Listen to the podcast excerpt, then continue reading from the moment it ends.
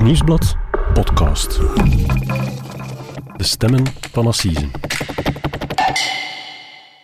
Hallo, ik ben Pieter Huibrechts, misdaadreporter bij Het Nieuwsblad. En ik ben Cedric Lagast, journalist bij diezelfde krant. En dit is onze podcast De Stemmen van Assise, waarbij we voor elk belangrijk proces in een zaak duiken en u meenemen achter de schermen van de rechtszaal. En dit keer hebben we het over het belangrijkste proces van ons land, dat deze maand in de finale plooi valt. Het proces over de terreuraanslagen in Brussel.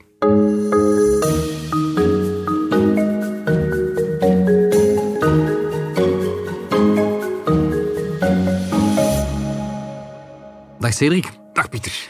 Cedric, we zijn intussen september. Ja, De zomer is voorbij.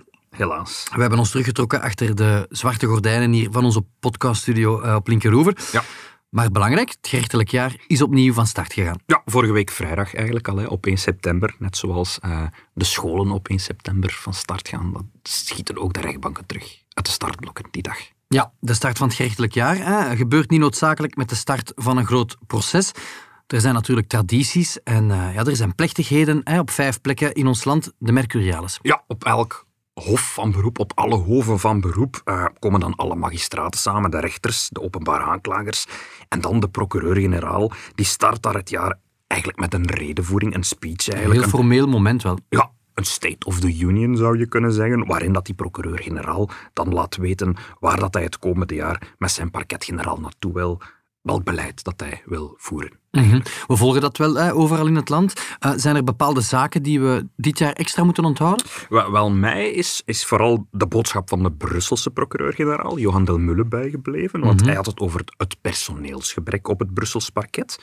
Dat is zelfs al sinds 2021 zonder eh, korpsleiding, zonder procureur des Konings zit. Eh, dat is al lang, dat is eigenlijk een politiek probleem. De politiek moet daar hun knoop doorhakken en dat gebeurt maar niet. En dat personeelsgebrek, dat is natuurlijk een oud zeer. Maar hij had het ook over het personeelsgebrek bij de politie. En daaruit blijkt dat er eigenlijk steeds meer dossiers niet meer onderzocht worden. Misdaden die gepleegd worden, die worden niet meer onderzocht. En in 2022 waren dat al 7307 zaken. Terwijl het aantal zaken dat om technische redenen werd afgesloten zonder strafvervolging toenam met 3% zien we een stijging van 33% van het aantal dat op opportuniteitsredenen geen strafvervolging kreeg.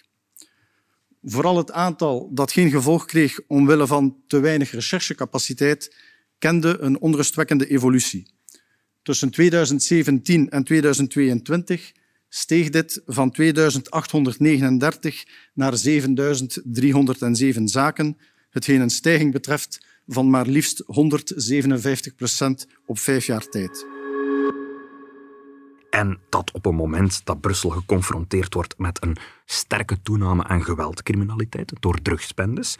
Eh, want bijvoorbeeld dit jaar alleen al waren er in de hoofdstad al 18 schietpartijen tussen bendes, waarbij dat zes doden vielen. Ik wist dat niet. Nee, dat is heel straf. Dat is zo wat nieuws dat vaak zo wat onder de radar blijft en Ja. heel fragmentarisch eh, in de kranten verschijnt. Maar dat is, super, allee, dat is gewoon super straf. Dat klinkt heel Amerikaans eigenlijk, maar het gebeurt dus ook in Brussel. Nu, de voorbije maanden was er eigenlijk vooral één groot superproces dat voor Assise in Brussel gekomen eh, is. Hè. Een soort Assiseproces oor categorie. Het befaamde terreurproces in Brussel. Ja, en daar gaan wij het vandaag over hebben. We hebben het natuurlijk over het assiseproces, over de aanslagen op de luchthaven van, van Zaventem en metrostation Malbeek in 2016. Dat is eigenlijk vorig jaar op 10 oktober al van start gegaan met de selectie van de juryleden. En met een valse start, herinner je nog de glazen kooien eh, die er Ja, stonden? de terreurverdachten, hè, Salah Abdeslam en co, die weigerden in die glazen boksen te zitten. Ja, maar nu, bijna een jaar later, in september, komt dat proces tot een eindpunt en zullen we weten welke straf elke beschuldigde krijgt.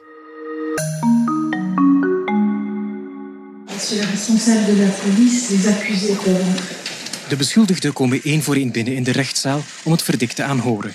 Belangrijkste vraag: hebben ze zich schuldig gemaakt aan terroristische moord op de mensen die omkwamen bij de aanslagen op Zaventem en in de Brusselse metro? Het antwoord luidt ja. Cedric, het assiseproces zelf heeft al een korte zomerstop gemaakt, maar niet zonder dat er eerst een, belangrijke uitspraak is gevallen. We hoorden hier een fragment uit het journaal van onze collega's bij VRT. Want op 25 juli, dus in volle zomer, heeft de jury na 19 dagen beraadslaging zich al eens uitgesproken over ja, een belangrijke vraag. Wie van de beschuldigden is schuldig en wie niet. Ja, we hebben natuurlijk al een aantal podcasts gemaakt over dit proces, Pieter. Uh, om het allemaal nog eens heel kort samen te vatten. We weten natuurlijk er stonden tien mannen terecht op dit proces voor de aanslagen. We Mhm. weten ook wie de drie zelfmoordterroristen waren die de aanslagen hebben gepleegd en uh, die daarbij ook gestorven zijn natuurlijk. Maar die andere tien mannen, daar zijn toch nog een aantal vragen die daarover uh, blijven openstaan. En de bekendste uh, van die tien, dat is natuurlijk Salah Abdeslam. En zijn hele proces lang is hij eigenlijk blijven zeggen, kijk, ik kan niet veroordeeld worden voor die aanslagen, want ik zat in de cel en hij vroeg eigenlijk gewoon de vrijspraak. Ja, en dat is dus waar dat die jury enkele weken over heeft moeten beraadslagen om Ja. te oordelen van ja, was hij nu schuldig of niet. Ja. Um, ja, misschien nog eens ja, recapituleren. Waarom heeft dat zo lang geduurd? Want het is in eind juni zijn ze al in conclaaf gegaan en pas eind juli Ja. is er een gekomen. Ze zijn eigenlijk 19 dagen lang in, in, in, in isolement geweest, zullen we maar zeggen. Dat is de, de langste beraadslaging die ons land gekend heeft, of enig welk proces ook. Dat was in een, eh, een hotel ergens in de Brusselse rand, denk ik. Ja, klopt. Dat was een, een, een zeer luxueus hotel, heb ik me laten vertellen. En eh, dat heeft lang geduurd. Niet zozeer omdat ze twijfelden aan de schuld van Abdeslam, maar wel omdat ze uiteindelijk bijna 300 vragen allemaal één voor één moesten beantwoorden. En elke vraag moest ook gemotiveerd worden. Je kan niet gewoon zeggen ja, nee, nee. Je moet daar ook een zinnige uitleg voor hebben en je moet dat uit het proces gehaald hebben. En dat hebben ze niet allemaal op papier gezet in de assisezaal zelf in Haren, maar daarvoor zijn ze dus uh, in conclaaf gegaan op hotel. Ja, de hele jury is met busjes uit de assisezaal gehaald en vertrokken. Twaalf juryleden, vijftien reservejuryleden en vijf magistraten ook. Die moesten daar ook de hele tijd uh, bijgebleven. Uh, in een chic hotel in Ukkel, heb ik me laten vertellen, waar speciaal voor hen een volledige gang was afgehuurd. En eigenlijk ze moesten daar 19 dagen lang blijven en ze mochten met niemand geen contact hebben. Niet met hun familie, niet met hun kinderen, niet met hun ouders. Ze mochten zelfs geen kranten lezen, ze mochten geen tv kijken. En de grote momenten van de zomer, Pieter, wie dat de Tour de France heeft gewonnen, of zelfs het overlijden van Martin Tange, dat hebben zij allemaal niet geweten, want ze zaten gewoon in één afgesloten bubbel in dat hotel. Het is ongezien, denk ik. Hè? En waarom, waarom kan dat niet? Ja, de redenering is uh, dat er in een krant of op televisie wel eens uh, een mening wordt verkondigd. Het zou wel eens plots over dat proces of over die aanslagen kunnen gaan. En er mag totaal geen beïnvloeding zijn. En stel dat zij toevallig iets op televisie zouden zien over het proces, dan zou het dat gevaar zou bestaan... kunnen vertroebelen. Nee, het, het gevaar zou zijn dat iemand daarop springt en dat het heel proces wordt stilgelegd en helemaal opnieuw moet worden gedaan, omdat er een poging tot beïnvloeding zou kunnen zijn. Ja, Voilà. en daarom zaten zij in een soort van complete lockdown. Alsof corona terug was. Ja, en dat is eigenlijk nogal eens gebeurd, Pieter. Want um, bij het assiseproces uh, rond de bende van gangster Patrick Hamers, die in 1993 terecht stonden in Brussel. Mm, Zo voor lang de ontvoering geleden. van ex-premier uh, Paul van den Boeien. Ja, absoluut. Um, en wel, op dat assiseproces moest de jury eigenlijk ook al in isolatie. Niet voor 19 dagen zoals nu, maar toen voor drie dagen en drie nachten. En dat was uh, niet in een chic luxe hotel zoals nu, maar toen eigenlijk onder vrij Spartaanse omstandigheden. Maar ze moesten toen slapen in de slaapzalen van een militaire kazerne in Neveren. En ze moesten eigenlijk ook gewoon eten wat de legerkoch voor hen klaarmaakte. Dus dat was gewoon soldatenkeuken eigenlijk. En het was zelfs in die mate zo erg dat de kranten toen sociaal psychologen interviewden. En die vreesden toen dat een jury die op die manier opgesloten werd, dat eigenlijk de kansen verhoogde op een strenger vonnis. Want die sociaal psychologen die hadden ooit proeven gedaan met nepjuries. Die, die werden ofwel in een kleine ruimte opgesloten, ofwel in een grote, uh, ruime zaal. En die moesten hetzelfde vraagstuk beoordelen. En die eerste jury die in een kleine ruimte zat, die was eigenlijk opmerkelijk strenger dan de, dan de andere groep die toch onder comfortabele omstandigheden uh, mocht beraadslagen. Mm -hmm. Dus eigenlijk voor de tien beschuldigden was het geen slechte zaak dat de jury naar een luxueus hotel ging. Nee, zo zou je het ook kunnen bekijken. Mm -hmm. Cedric, ik herinner me nog dat het arrest s'avonds laat uh, is voorgelezen.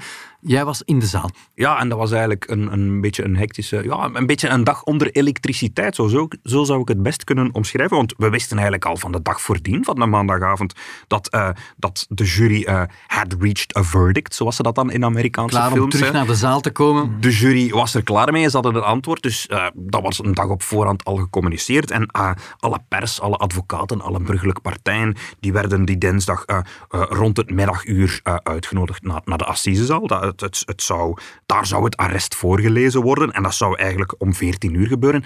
Maar dat gebeurde maar niet en dat bleef aanslepen. En 14 uur en niets gebeurde. 16 uur ging de klok, nog altijd niks. Ehm, en eigenlijk de hele dag door was iedereen daar ehm, zenuwachtig aan het ijsberen door dat immense gebouw. En iedereen was zo aan elkaar aan het vragen, weet jij wat er aan de hand was? En er waren zo al allemaal geruchten die de ronde deden, dat de voorzitter ziek zou zijn, dat er toch een probleem zou zijn met dat vonnis, dat er iets met de beschuldigde zou zijn of zo. En eigenlijk is dat, um, dat voorlezen pas om, om zeven uur s'avonds begonnen en dat heeft urenlang geduurd tot ver na middernacht eigenlijk. Ja, en we weten niet waarom het zo uitgesteld werd. Nee. Maar dus om 19 uur, Cedric, was het eindelijk zover. Ja, en, en, en ook dat verliep dan weer heel raar, want uh, iedereen had verwacht, de, de, voorzitter gaat gewoon die 286 vragen één voor één voorlezen en we gaan onmiddellijk weten waar iedereen aan toe is.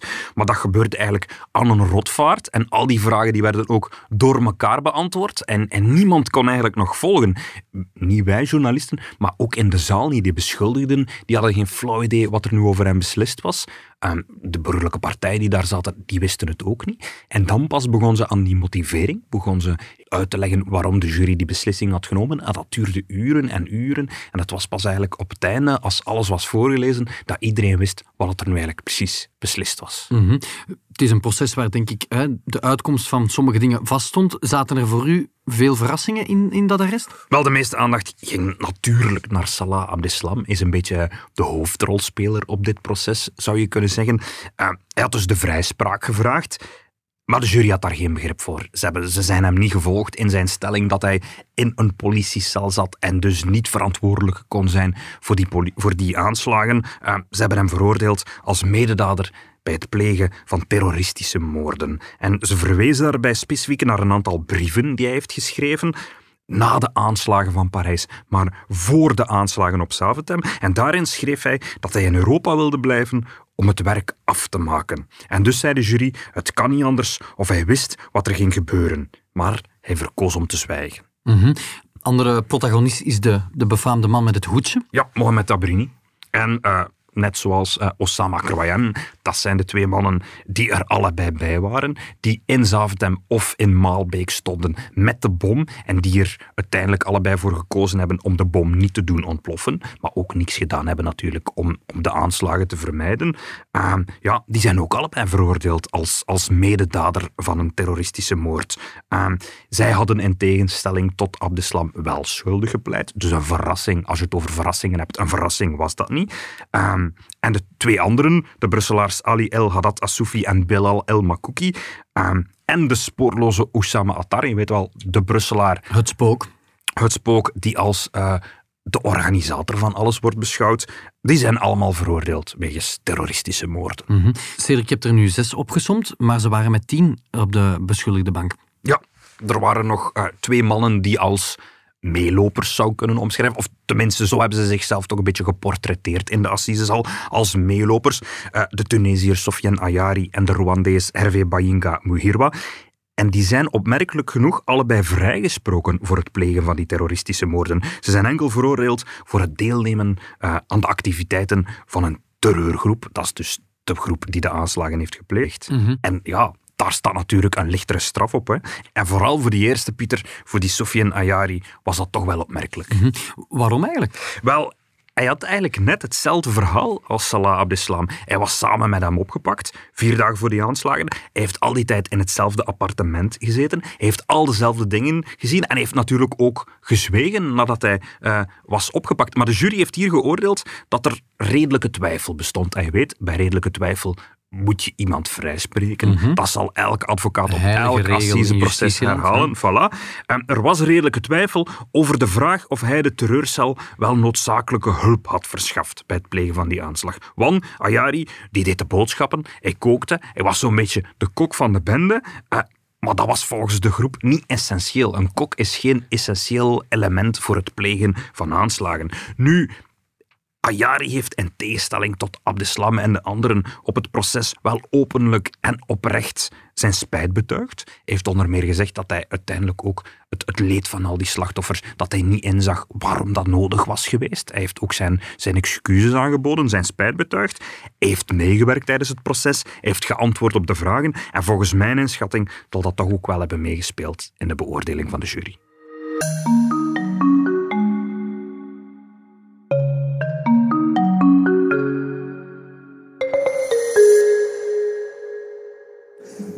Allez faire maintenant Étudier peut-être, aller à l'université et m'instruire.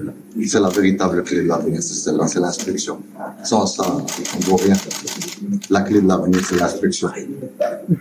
La véritable, si l'avenir a un passeport, c'est l'instruction et rien d'autre. Cedric, elk belangrijk proces heeft zijn momenten. Ik herinner mij het Reuzegom-proces waar de, de mama van eh Sandadia knuffelt met Zaatje de Prezes. Beeld dat mij een beetje is bijgebleven op dit proces. En meteen na het arrest is, is die, die foto ja, waar een van de beschuldigden en zijn advocaat elkaar zeer heftig en uitbundig in de armen vliegen. Ehm, zie je niet alle dagen in een assisezaal. Nee, die, die man dat was eh Smail Farizi. En, en wat je eigenlijk ziet is hoe hij zijn advocaat Xavier Carrette eigenlijk van blijdschap eh, van de grond optelt en, en echt in de lucht heft. Pure oplichting ook.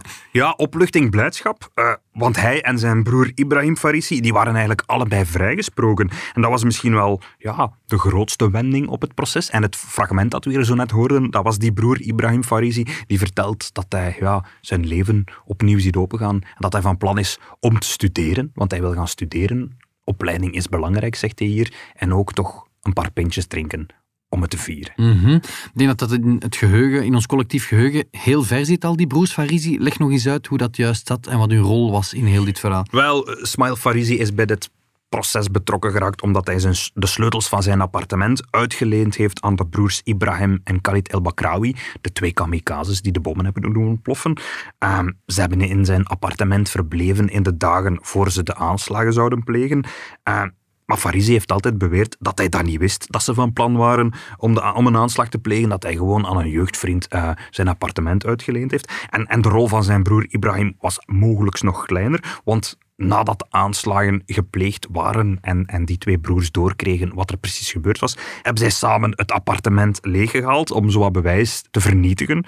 Bon, tijdens het proces is ook gebleken dat zij eigenlijk met de rest niks te maken hadden met die aanslagen en ze zijn daarom door de jury vrijgesproken. Mhm. Je vertelt het nu alsof het niet echt een verrassing was dat ze allebei zijn vrijgesproken. Nee, eigenlijk niet, want eigenlijk had de raadkamer eh, in Brussel al beslist eh, voor het proces dat de twee broers eigenlijk niet voor assise moesten terechtstaan. Ze zouden een apart proces krijgen, maar hun advocaat Sébastien Courtois, eh, die verzette zich daartegen, die was daartegen. Hij, hij dacht dat ze meer kans maakten voor assisen.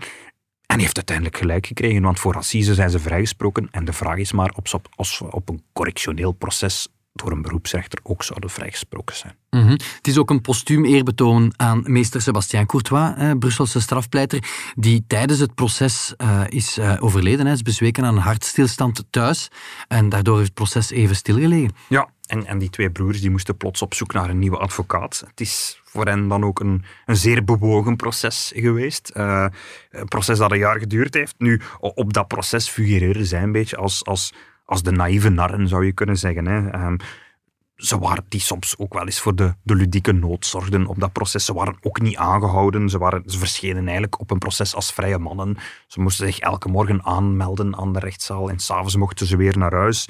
En ik, ik denk eigenlijk dat ze eigenlijk een beetje op de jury een indruk hebben gemaakt als dat zijn geen gevaarlijke mannen. Ehm Ja, twee broers die al eens graag een, eh, een pint te veel dronken. voilà. Als we dan toch over verrassingen spreken, Cedric. Bij aanvang van het proces een jaar geleden stonden er 32 namen van eh, dodelijke slachtoffers in de akte van beschuldiging. Op het einde van de rit, een jaar later, zijn er dat plots 35 geworden. Ja, de jury heeft geoordeeld dat er eigenlijk nog drie andere mensen ehm, ook als slachtoffer van die aanslagen moesten herkend worden. Dat zijn eigenlijk mensen ehm, die op het moment van de aanslagen in de, in de, in de vertrek al in Zaventem stonden of in het metrostation eh, in Brussel en die die dag de aanslagen hebben overleefd. Die geruime tijd later zijn gestorven, maar waarin dat de jury wel een, een verband ziet tussen die aanslagen en hun dood. En het is eigenlijk zo, tijdens het proces is gebleken dat nog tien overlevers van die aanslagen in de nasleep ervan zijn overleden. En van die tien mensen is de, is, heeft dan de jury gevraagd, eh, vinden jullie dat hun dood ook een gevolg is van die Een aanslagen? kausaal verband. dat er een kausaal verband is. En in drie gevallen heeft de jury gezegd van ja, inderdaad, deze mensen hadden nog geleefd als die aanslagen niet gepleegd werden. En eh, het bekendste voorbeeld is wellicht eh, de Vlaamse Chanty de Korte. Dat was een, een jonge studente die die dag op Rome-reis zou vertrekken met haar school.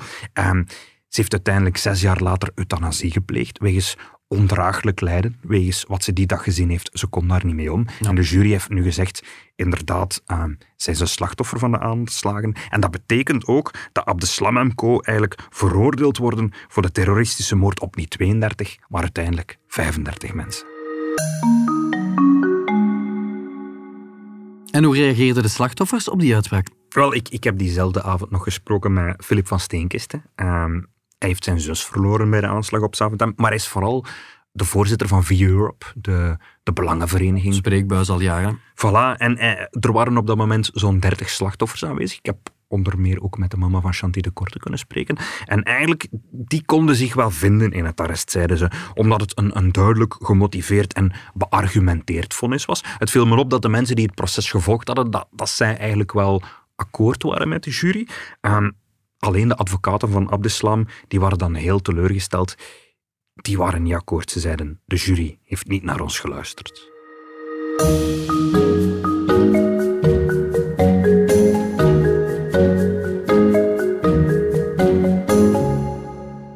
De schuldvraag is nu beantwoord. Hè. Acht mannen zijn veroordeeld, twee anderen zijn vrijgesproken. Hè. Mogen als een vrijman naar huis. Ja. Natuurlijk, zo'n finale van een assiseproces verloopt altijd in twee bedrijven. De jury moet natuurlijk ook een straf bepalen voor de veroordeelden. En dat is het stadium waar dat we nu zitten. Ja, dat klopt. De jury heeft eigenlijk 40 dagen vakantie gekregen. Welverdiende vakantie. Voilà, na 19 dagen te zijn opgesloten. Uh, een, een beetje speciale vakantie. Ze mochten doen wat ze willen, ze mochten ook op reis, maar ze mochten met niemand over de zaak spreken. Dat was cruciaal. Zelfs niet met hun partner? Zelfs vrienden. niet met een familie. Nee, voilà. Want nu moeten ze dus eigenlijk nog de belangrijkste vraag beantwoorden. De straf. Welke straf moet elke veroordeelde krijgen? En normaal op een assiseproces duurt zoiets ja, enkele uren, denk ik, hoogstens een ochtend. Uh, Eerst komt de openbaar aanklager aan het woord, die zegt welke straf hij vordert. En dan komt uh, het antwoord van de advocaat van de beschuldigde, die daar wat probeert tegenin te gaan. Op een ochtend is dat geklaard, want burgerlijke partijen die mogen daar niet in tussenkomen. Hier verwacht men dat heel, dat, heel die procedure twee weken zal duren. Twee weken, als je dat populistisch zou bekijken, zou je denken, ja, geef iedereen levenslang. Ja, maar natuurlijk, we leven in een democratische rechtsstaat en daarin beloven dat iedereen, iedereen een, een eerlijk proces verdient en dus ook een, een straf op maat. Nu, maandag zijn de debatten begonnen met het requisitoire van de twee openbare aanklagers, maar dat moest eigenlijk al op de middag onderbroken worden. Waarom? Opnieuw door de hoofdrolspeler Salah Abdeslam. Je, je weet, hij is al eerder veroordeeld. Hij is al tot 20 jaar cel veroordeeld in België voor een schietpartij in de Driestraat. En in Parijs tot levenslang wegens de aanslagen van Parijs is na dat proces in Parijs overgeleverd aan België, met de belofte dat hij opnieuw naar Frankrijk zou worden gestuurd. Maar dat vecht hij nu aan, hij is daar niet mee akkoord. En waarom is dat allemaal zo belangrijk voor hem? Wel, zijn advocaten hebben daar gepleit dat eigenlijk zijn overbrengen naar Parijs dat dat een, een schending van de mensenrechten zou zijn. Want in Frankrijk is een levenslange celstraf onsamendrukbaar. Als hij naar Frankrijk gaat, dan, daar, zal hij daar echt levenslang in de gevangenis zitten. En nu in België kan je in principe nog altijd um, vervroegd vrijkomen. Dat Eigenlijk is... is... het logisch dat hij dat aanvecht. Ja, maar dat was niet zijn enige argument. Hij, hij, is zelf ook aan het woord gekomen en heeft daar verteld over de meer dan zes jaar dat hij daar al in een Franse cel zat. Hij heeft verteld dat hij daar constant gefilmd wordt, dat hij daar uitgelachen en geslagen werd. En hij had zelfs tranen in zijn ogen en hij zei, maar naar Frankrijk sturen, dat is me naar de dood sturen. Hier in België is het tenminste leefbaar. Mm, dus we krijgen opnieuw Salah Abdeslam te zien die zich in een, in een slachtofferrol wentelt die een beetje de drama queen uithangt. Ja. En waar riskeren ze nu eigenlijk, Cedric? Wel, eerst en vooral dat ze hun Belgische nationaliteit verliezen, want er zijn er een aantal die uh, de dubbele nationaliteit hebben. En um, een van de eisen van de aanklager is dat ze hun Belgische nationaliteit zouden verliezen door het arrest van het Hof van. Dat betekent dan natuurlijk, Pieter, dat de volgende stap is dat die het land worden uitgezet. En daarnaast, ja, voor de zes die veroordeeld zijn wegens terroristische moord, zoals Salah Abdeslam, um, is dat uiteraard levenslange opsluiting. Hè? Maar voor de twee anderen, eh, die enkel veroordeeld zijn voor de deelname aan de activiteiten van de groep, die riskeren maximaal 10 jaar cel. En nu, dat is opmerkelijk, eh, de Tunesiër eh, Ayari, die is al eens veroordeeld tot 30 jaar cel in Parijs en tot 20 jaar cel voor de schietpartij in Vorst. En wel, voor hem vragen de procureurs eigenlijk om het daarbij te houden.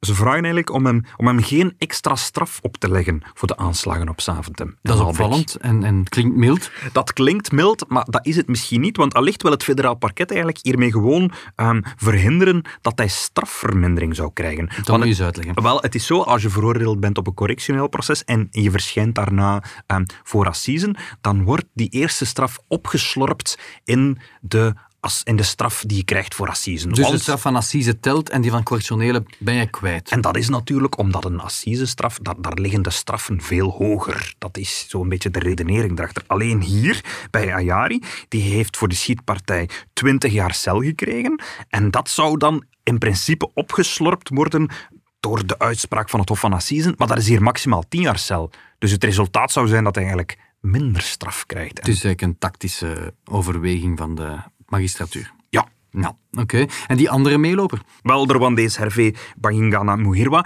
die riskeert dus ook maximaal 10 jaar cel, maar hij zit al zeven jaar in voorarrest. En volgens zijn advocaat zou dat eigenlijk betekenen, als hij straks 10 jaar cel krijgt, dat hij eh, meteen wordt vrijgelaten. Maar de jury heeft natuurlijk ook nog altijd eh, de keuze om hem 15 jaar ter beschikkingstelling op te leggen. Dat wil zeggen dat als hij vrijkomt, dat hij dan toch nog 15 jaar lang in de gaten wordt gehouden. Oké. Cedric, we hebben eh, heel veel geschreven, heel veel podcasts opgenomen over dit eh, proces. Er is heel veel gedoe geweest vooraf met die glazen kooien en dergelijke. Ja. We zijn er bijna. Het is bijna voorbij. Ja, Wat gaat er nog gebeuren? Wel, deze week hebben de advocaten van de acht beschuldigden de kans gekregen om, eh, om hun cliënten te verdedigen.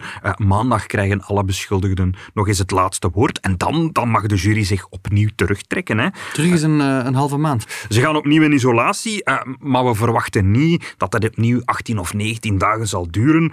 De laatste vrijdag, de laatste volgende week vrijdag, zou er een uitspraak moeten zijn. En dan is de strafrechtelijke kant van dit proces helemaal rond, Pieter. Oké, Cedric, we bespreken het ongetwijfeld eh, volgende week vrijdag in een nieuwe Stemmen van Assise. Ja, dan is er alweer een nieuwe aflevering. We zijn weer vertrokken. Waar gaan we het over hebben? We gaan het hebben, Pieter, over een slagermoord. Oké, klinkt, En dan eh, hebben we het niet over een beenhouwer, maar echt over de, de muziekstijl, de slager. oké, klinkt fascinerend. Eh, bedankt om dat hier zo deskundig te komen uitleggen, Dat is heel En tot de volgende keer. Tot volgende week. Dit was De Stemmen van Assisen, een podcast van het Nieuwsblad. De stemmen waren deze week van Pieter Huibrecht en van mezelf, Cedric Lagast. Onze dank gaat uit naar VRT voor het gebruik van enkele audiofragmenten. De montage gebeurde door Benjamin Hertogs van House of Media. En de productie was in goede handen bij Bert Heijvaart en Nathalie Delporte.